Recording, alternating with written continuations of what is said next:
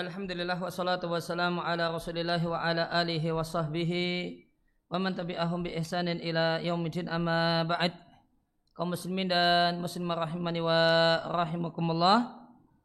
Kembali kita lanjutkan membaca dan mentelaah Adabul Khidbati wa Zifaf fi Sunnah Al-Mutahharah karya Syekh Amr Ibn Abdul Mu'in Salim hafizallahu taala wa faqahu kita masih dalam pembahasan tentang uh, hadis-hadis uh, yang dibawakan oleh Syekh Al-Albani untuk melarang emas melingkar.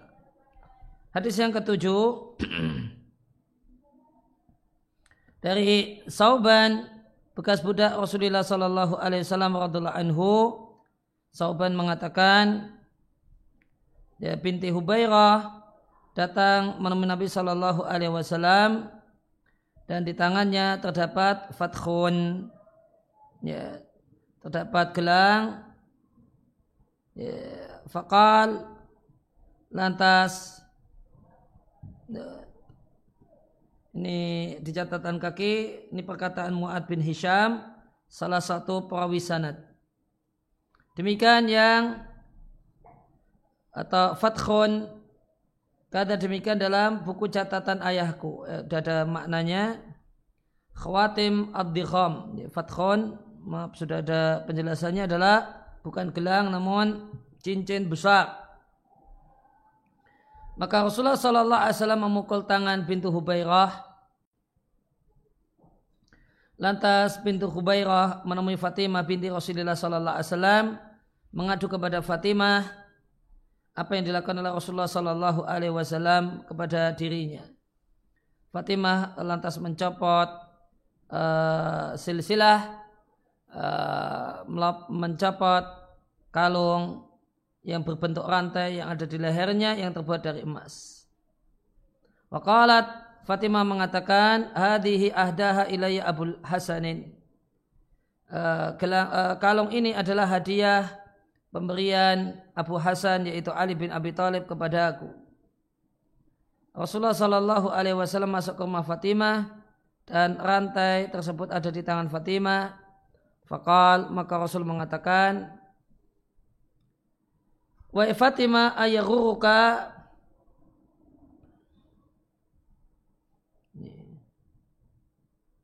Tidakkah ini, Eh, memperdaya dirimu ucapan banyak orang putri Rasulullah Sallallahu Alaihi Wasallam di tangannya terdapat rantai dari neraka. Kemudian Nabi keluar dan tidak mau duduk di rumah Fatimah. Lantas Fatimah uh, mengirimkan rantai tersebut ke pasar dan menjualnya. Kemudian hasil penjualnya dipakai untuk membeli budak laki-laki. Wakala marotan Perawi yang lain menyampaikan budak begitu saja.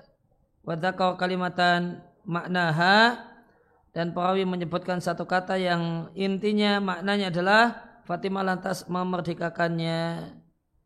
Fahudisa bidalika maka ini kemudian disampaikan pada Rasulullah sallallahu alaihi wasallam Rasul mengatakan alhamdulillahilladzi anja Fatimata minan nar segala puji milik Allah zat yang telah menyelamatkan Fatimah dari neraka di sini uh, sanatnya kesimpulan dari saya Amr sanatnya sahih dikeluarkan oleh An-Nasai ya, dan Baihaqi.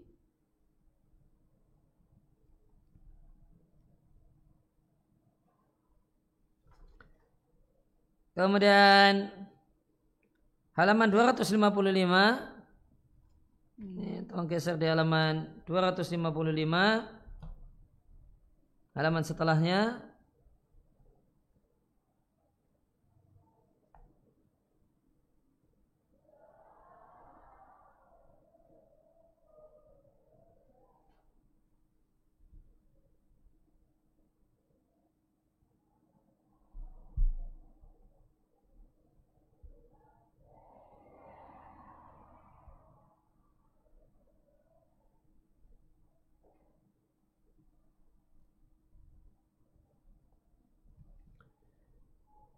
Ya, baris atau paragraf ketiga dari atas Wa amal jawab an hadal hadis.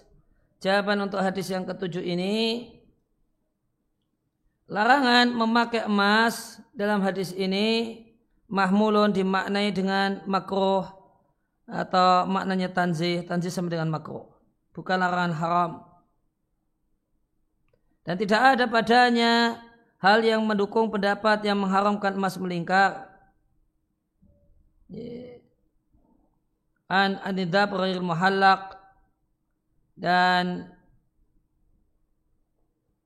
ya, dan tidak haramnya emas yang tidak melingkar.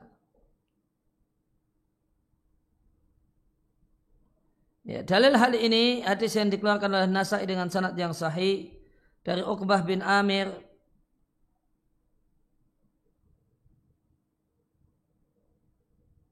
radhiyallahu anhu Rasulullah sallallahu alaihi wasallam melarang keluarganya untuk memakai perhiasan dan sutra. Wayakul dan Nabi mengatakan kepada keluarganya, istri dan anak-anaknya, jika kalian menginginkan perhiasan surga dan sutra surga, jangan pakai itu semua di dunia. Maka hadis ini menunjukkan bahasanya Nabi melarang dengan larangan tanzih, larangan makroh, bukan larangan haram. Karena seandainya larangan haram, tentu la wajaba aidan dan tentu juga ada kewajiban untuk mengatakan haramnya sutra bagi perempuan dan tidak ada ulama yang mengatakan sutra itu haram bagi perempuan. Dan sahih telah saya dari Nabi Wasallam ya, bahasanya Nabi uh, memberikan perhiasan untuk cucu beliau Umamah binti Abil As anaknya Zainab binti Rasulullah Sallallahu Alaihi Wasallam anha dengan emas dari cincin dari emas. Demikian juga Nabi memberikan perhiasan kepada sebagian sahabiah dengan ru'ad.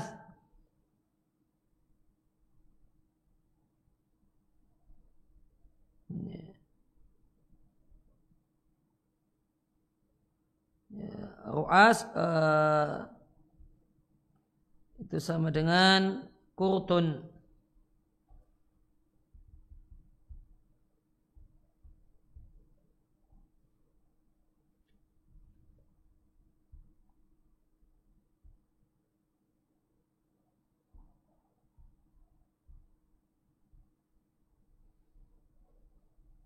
ya anting-anting. Yang hal ini mimma yadfa'u al-kaula ya, mencegah menolak pendapat yang mengharapkan emas melingkar bagi perempuan secara khusus dan haramnya emas bagi mereka secara umum. Wasaufa ya'ti hadil ahadis dan akan dibawakanlah hadis-hadis tersebut. Nabi ngasih uh, cincin emas untuk umama dan yang lainnya bitamamiha secara utuh insyaallah taala. Kemudian hadis yang ke hadis yang ke-8 ya, meskipun hadis ini tidak dibawakan oleh Al-Albani namun dibawakan oleh penulis untuk melengkapi dalil dalam masalah ini. Dari Salih bin Sa'ad radhiallahu anhu beliau menyampaikan Rasulullah Shallallahu Alaihi Wasallam bersabda, siapa yang menyukai agar anaknya diberi gelang dari neraka, maka silahkan beri gelang, pakaikan gelang dari emas. Akan tetapi perak saja, ikmalu biha masyitum. Ya, perbuatlah dengan perak apa saja yang kalian sukai sanatnya mungkar. Artinya daif sekali. Kemudian halaman 257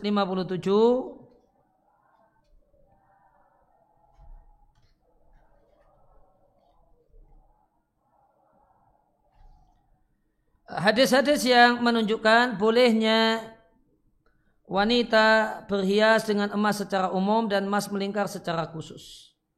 Wal'an dan saat ini setelah kita menyelesaikan mendiskusikan hadis-hadis yang dibawakan oleh Al-Albani rahimallahu taala itsbatan yang beliau bawakan dalam rangka menetapkan qadiyah permasalahan haramnya emas melingkar bagi perempuan dan setelah kami jawab masing-masing hadis baik berkenaan dengan sanatnya ataupun matanya maka di antara sebuah keniscayaan alazim sebuah keharusan uh, anu arija untuk diperhatikan sebelum penutupnya pembahasan ini adalah menyebutkan beberapa hadis yang lainnya yang tidak disebutkan oleh Syekh Al-Albani yang menunjukkan bolehnya emas secara umum bagi perempuan lebih-lebih lagi emas melingkar bagi perempuan.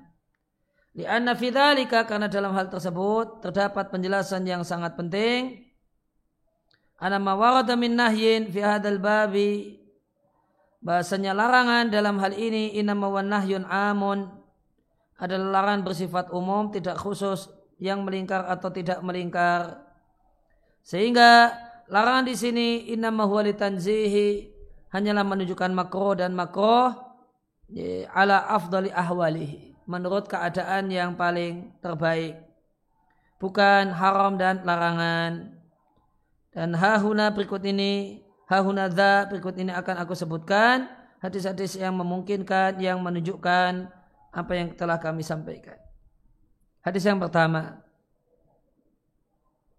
Dari Uqbah bin Amir radhiallahu anhu Rasulullah sallallahu alaihi wasallam melarang keluarganya, anak dan istrinya untuk memakai perhiasan dan sutra.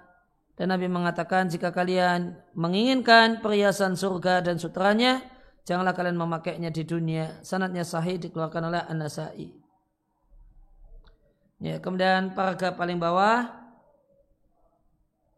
Wafi adalah hadis dalam hadis ini terdapat dalil bahasanya larangan itu adalah larangan makruh bukan larangan haram.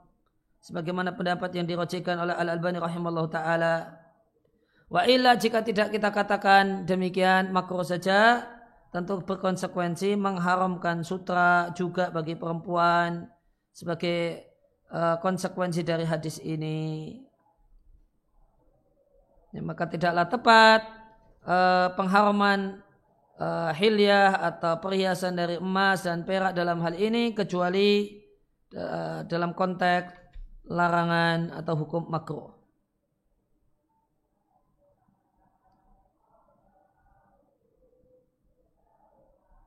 Ya, kemudian hadis yang kedua dari Zainab binti Nabi ibn Jabir al-Ansariyah, istrinya Anas bin Malik.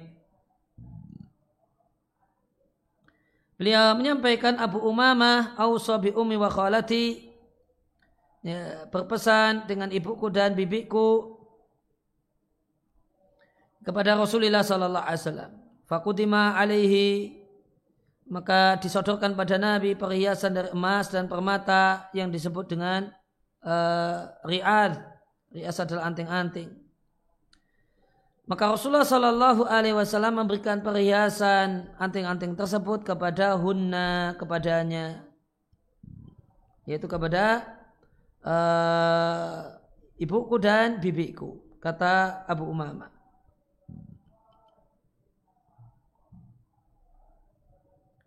Qalat uh, Zainab mengatakan, aku jumpai sebagian perhiasan itu inda ahli pada keluargaku.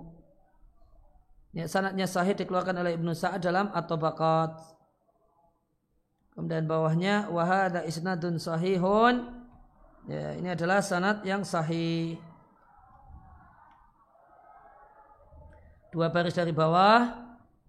Zainab binti Nabit al-Ansariyah istri Anas disebutkan oleh Ibnu Hibban dalam golongan tabi'in yang thiqah. Sedangkan menurut Ibnu Abdul Bar, Ibnu Manda, Abu Nuaim dan Abu Ali Ibn Sakan dia tergolong sahabat. Al-Hafidh Ibnu Hajar di At-Takrib, Takrib Tahdib mengatakan ada yang bilang dia adalah sahabat Nabi. Hatta ala iktibar sampai jika kita anggap Zainab ini tabi'iyat, tabi'in, maka mendengarnya hadis dari ibunya satu hal yang valid.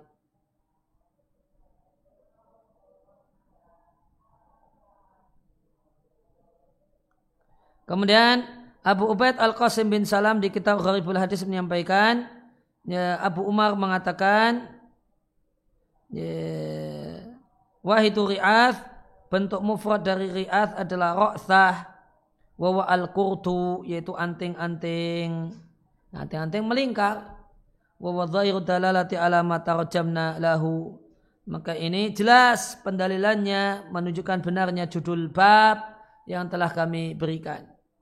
Yaitu tadi judul babnya ada di halaman 257 hadis-hadis yang menjadi dalil bolehnya uh, perempuan memakai perhiasan emas secara umum dan emas melingkar secara khusus karena anting-anting itu melingkar. Kemudian hadis yang ketiga dari Ibunda Aisyah radhiallahu anha beliau mengatakan yeah, uh, kudimat ala Nabi sallallahu alaihi wasallam disodorkan pada Nabi sallallahu alaihi wasallam perhiasan dari Najasyi yang dihadiahkan oleh Najasyi kepada Nabi. Fiha di antara perhiasan tersebut terdapat emas, uh, cincin dari emas yang mata cincinnya adalah batu habasyah. Qalat kata Aisyah Rasulullah sallallahu alaihi wasallam mengambil cincin tersebut pakai kayu dalam keadaan memalingkan muka darinya atau menjauhkan jari-jarinya. Kemudian Nabi memanggil Umamah binti Abil As yang merupakan cucu beliau dari Zainab. Kemudian Nabi mengatakan, beriaslah dengan hal ini wahai cucuku. Sanatnya sahih, diatkan oleh Ibn Abi Syaibah dalam Musannaf dan Abu Dawud serta Ibnu Majah. Ya, baris yang paling bawah, wafihi dalilun ya, ala ibahati dhahabi al muhalaqi lin nisa'i. Ya di sini dalil bolehnya emas melingkar bagi perempuan.